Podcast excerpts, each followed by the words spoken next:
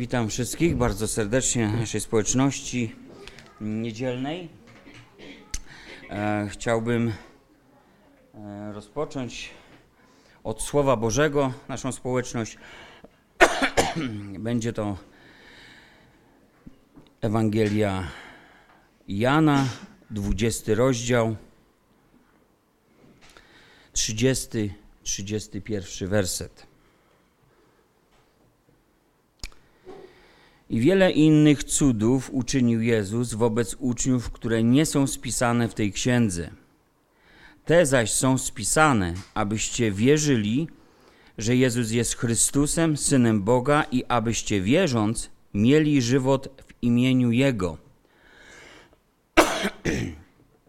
Wiecie, wczoraj rozważałem dwa rozdziały innej Ewangelii. To jest Ewangelia Mateusza, 13 i 14 rozdział. I zauważyłem tam pewną sekwencję opisanych zdarzeń. Nie będziemy tego e, w tej chwili czytać, ale możecie to sprawdzić. Mamy tam następującą kolejność. Najpierw jest w 13 rozdziale seria przypowieści, jakie Pan Jezus wygłasza publicznie, po czym następuje odrzucenie Pana Jezusa w jego rodzinnym mieście w Nazaret. Potem jest opisana śmierć Jana Chrzciciela, a dalej mamy cuda, które dokonuje Pan Jezus, prowadzące uczniów do odkrycia, że On jest synem Boga. A więc z początku jest tam niewiara ludzi, w środku jest śmierć Jana Chrzciciela, a na końcu jest wiara uczniów. I pytanie, jakie sobie zadałem podczas tego rozważania, było takie – Jakie znaczenie ma tam w tej całej sekwencji wydarzeń, ma tam umieszczenie w samym środku tej historii pewnego wydarzenia, które było zwyczajną imprezą na dworze króla Heroda. To właśnie tam spadła głowa Jana. Łatwiej byłoby zrozumieć kontrast pomiędzy niewiarą tłumów, a wiarą garstki uczniów, gdyby właśnie nie ten tekst, jakby oddzielający, przedzielający na pół jedno i drugie. I wiecie, udałem się w taką krótką podróż po Ewangeliach z modlitwą i pytaniem do Boga, o co chodzi, jak mógłbym odkryć znaczenie tego, co Panie chciałeś, abym rozumiał, czytając ten tekst. I odkryłem najpierw, to, że słuchacze z przytoczonych im przypowieści nie rozumieli ich znaczenia i nie uwierzyli, że ten Jezus, który do nich mówi, jest synem Bożym. Herod zaś, wiemy to doskonale z tekstów Biblii, słuchał chętnie Jana Chrzciciela, wiedział o nim, że jest to człowiek prawy i święty, rozumiał przesłanie Jana, które on do niego kierował publicznie, a że publicznie piętnował publicznie uczynione grzechy, więc Herod czuł się tym wielce zakłopotany. Słuchał jednak nadal chętnie, ale odrzucał to przesłanie i nie uwierzył, zresztą jak poprzedni wymienieni słuchacze. Idąc dalej, uczniowie znaleźli się w sytuacji bez wyjścia zarówno w sytuacji, gdy trzeba było nakarmić kilka tysięcy lud ludzi, mając kilka chlebków, jak również później znaleźli się na morzu, gdy wiatr był silniejszy, a na tyle był mocny, że niemal zwątpili we własne życie, że uda im się z tego cało wyjść. W obu przypadkach oni doświadczyli cudu, uwierzyli, że On jest Synem Bożym. Jeszcze coś w sprawie śmierci Jana i Heroda, który biesiadował, imprezował. Tam spadła głowa Jana. I ta odcięta głowa Jana Chrzciciela ukazuje nam w pewien taki może, ma taki symboliczny wydźwięk, e, pewien taki symboliczny sposób. To odcięcie pokazuje nam, że Herod w tym momencie podjął decyzję on odciął się od samego Jana, odciął się od całego przesłania. I dziś wiecie, też tak jest. Kiedy zadaję sobie pytanie, co jest między wiarą i niewiarą, to tam w środku gdzieś jest pewna grupa ludzi, którą odzwierciedla Herod. Dzisiaj są tacy ludzie, którzy słuchają chętnie słowa, uprzejmie wysłuchają słowa, ale w swoim sercu wahają się, czy za tym pójść. Owszem, wiedzą, że Kościół Chrystusa, jak niegdyś Jan Chrzciciel, jest prawy, jest święty, jest wyjątkowy, niepowtarzalny na tej ziemi, ale nie chcą za tym pójść, co głosi Kościół, ze względu na koszty, ze względu na konieczność porzucenia i nie wracania już więcej do grzechu. Jednak gdy to rozdwojenie serca tak sobie trwa, a ludzie myślą, że tak mogą żyć przecież, to przychodzi taki czas, że cena wydaje mi się już wyraźnie nie do zapłacenia. Oni nie chcą tracić w oczach ludzi, wokół których się obracają, ale też nie chcą rezygnować z życia, które polubili. I wtedy odcinają się. Jest to taka decyzja, może niewerbalna, ale decyzja, która zapada w ich sercach. Jak Herod zdecydował w obliczu swego otoczenia, które miłował, że spadnie głowa Jana, bo ta presja w końcu doprowadziła do pewnej decyzji, tak ludzie dzisiaj odwracają się od wiary w Boga chociaż słuchali Ewangelii, a pierwszym często symptomem tego jest odcięcie się od tego, który głosi te słowa. Jak odcięcie głowy Jana. A kto dzisiaj głosi słowa Ewangelii? Kościół. Ktoś jednak mógłby powiedzieć, że przecież pismo mówi, że Jan nie uczynił żadnego cudu. Więc może dlatego Herod nie mógł ostatecznie się nawrócić, taki mieć zwrot w swoim życiu i tak wyraźnie, mocno z kopyta powiedzieliśmy podążyć za Jezusem, no bo nie miał bodźca. Nie miał takiego kluczowego bodźca,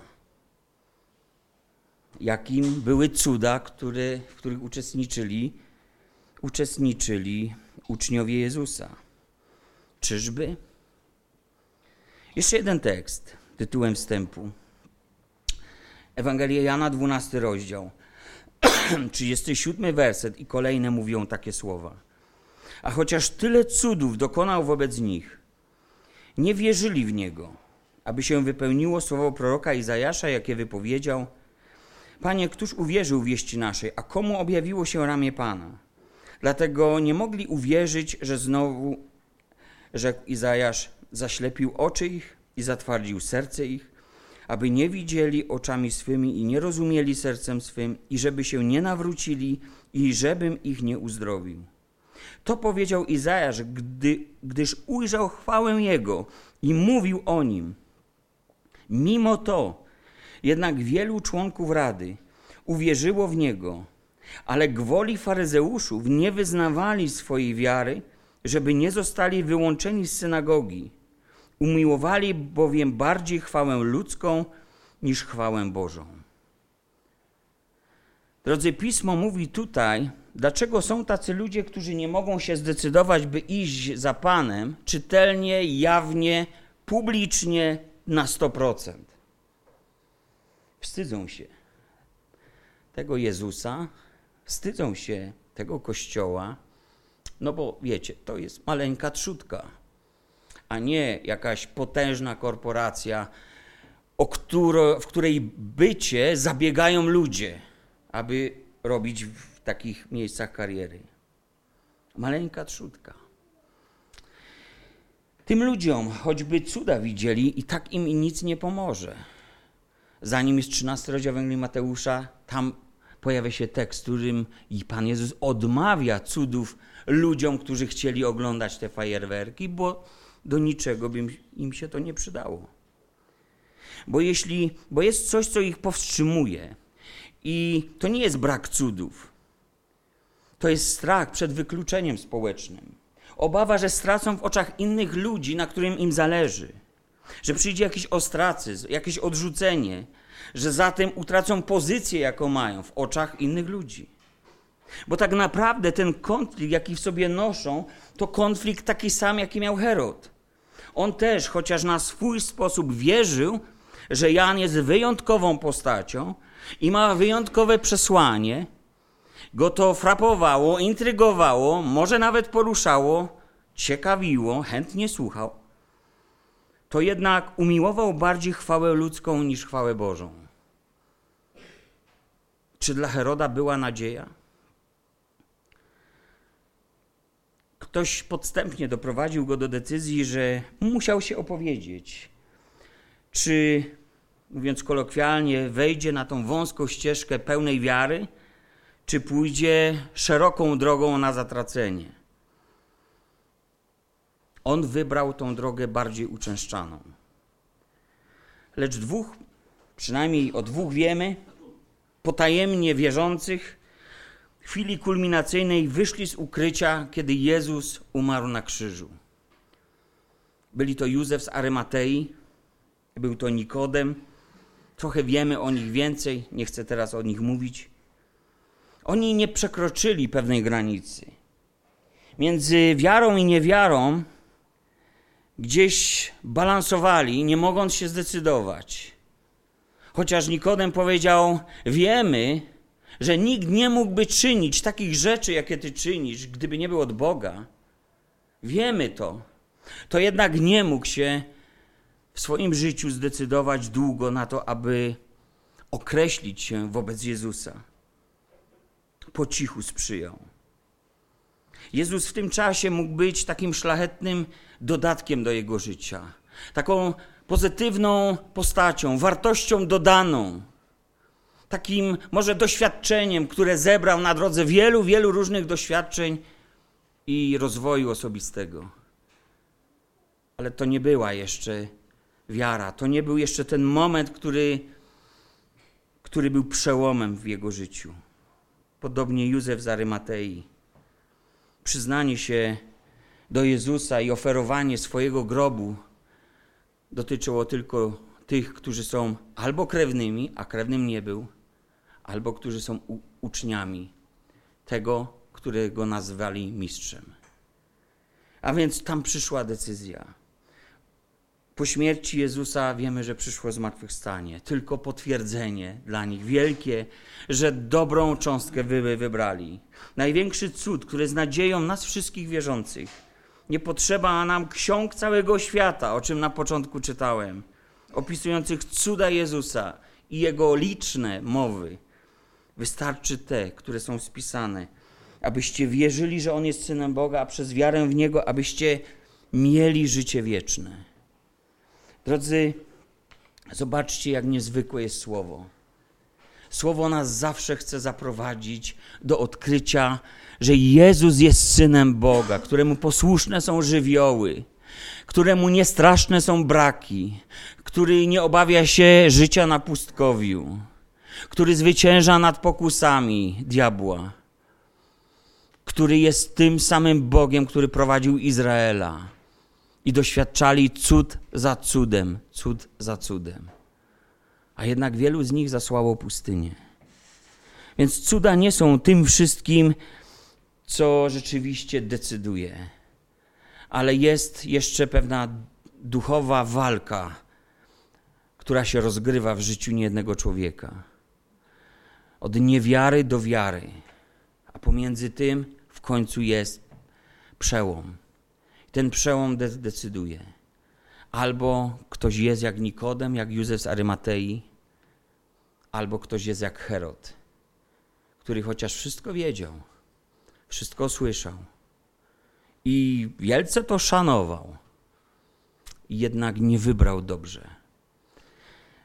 Drodzy, niech ta refleksja, ta, te kilka myśli zachęcą nas do tego, abyśmy zarówno dzielili się Ewangelią, ale pamiętali, że skoro Pan Jezus objawił się nam, skoro uwierzyliśmy, skoro tu jesteśmy i Kościół nie jest dla nas jak odcięta głowa Jana, ale wiemy, znamy wartość ciała Chrystusowego i znamy wartość samego Chrystusa, to chcielibyśmy Jemu podziękować za ten największy cud. Można by powiedzieć cud Jonasza, mówiąc językiem obrazowym, że Jezus umarł za nasze grzechy i zmartwychwstał dla naszego zbawienia. Podziękujmy naszemu Panu za to. Niech to nabożeństwo będzie takim miejscem dziękczynienia, tą chwilą zadumy, kiedy może zobaczymy siebie w tej drodze od tych ludzi niewiary, przez Heroda, który podjął w przełomie złą decyzję. Może byliśmy Nikodemem i Józefem z Arymatei, aż do wiary uczniów, którzy poszli za Jezusem, bo poznali, że to jest Syn Boży. I Ty masz słowa żywota. Dokąd pójdziemy? Dokąd pójdziemy? Ty masz słowa życia dla nas. Powstańmy, drodzy, i zachęcam, abyśmy mogli się modlić, abyśmy mogli śpiewać pieśni, byśmy złożyli Bogu dziękczynienie, podziękowali Panu Jezusowi. Jemu niech będzie chwała. Powstańmy.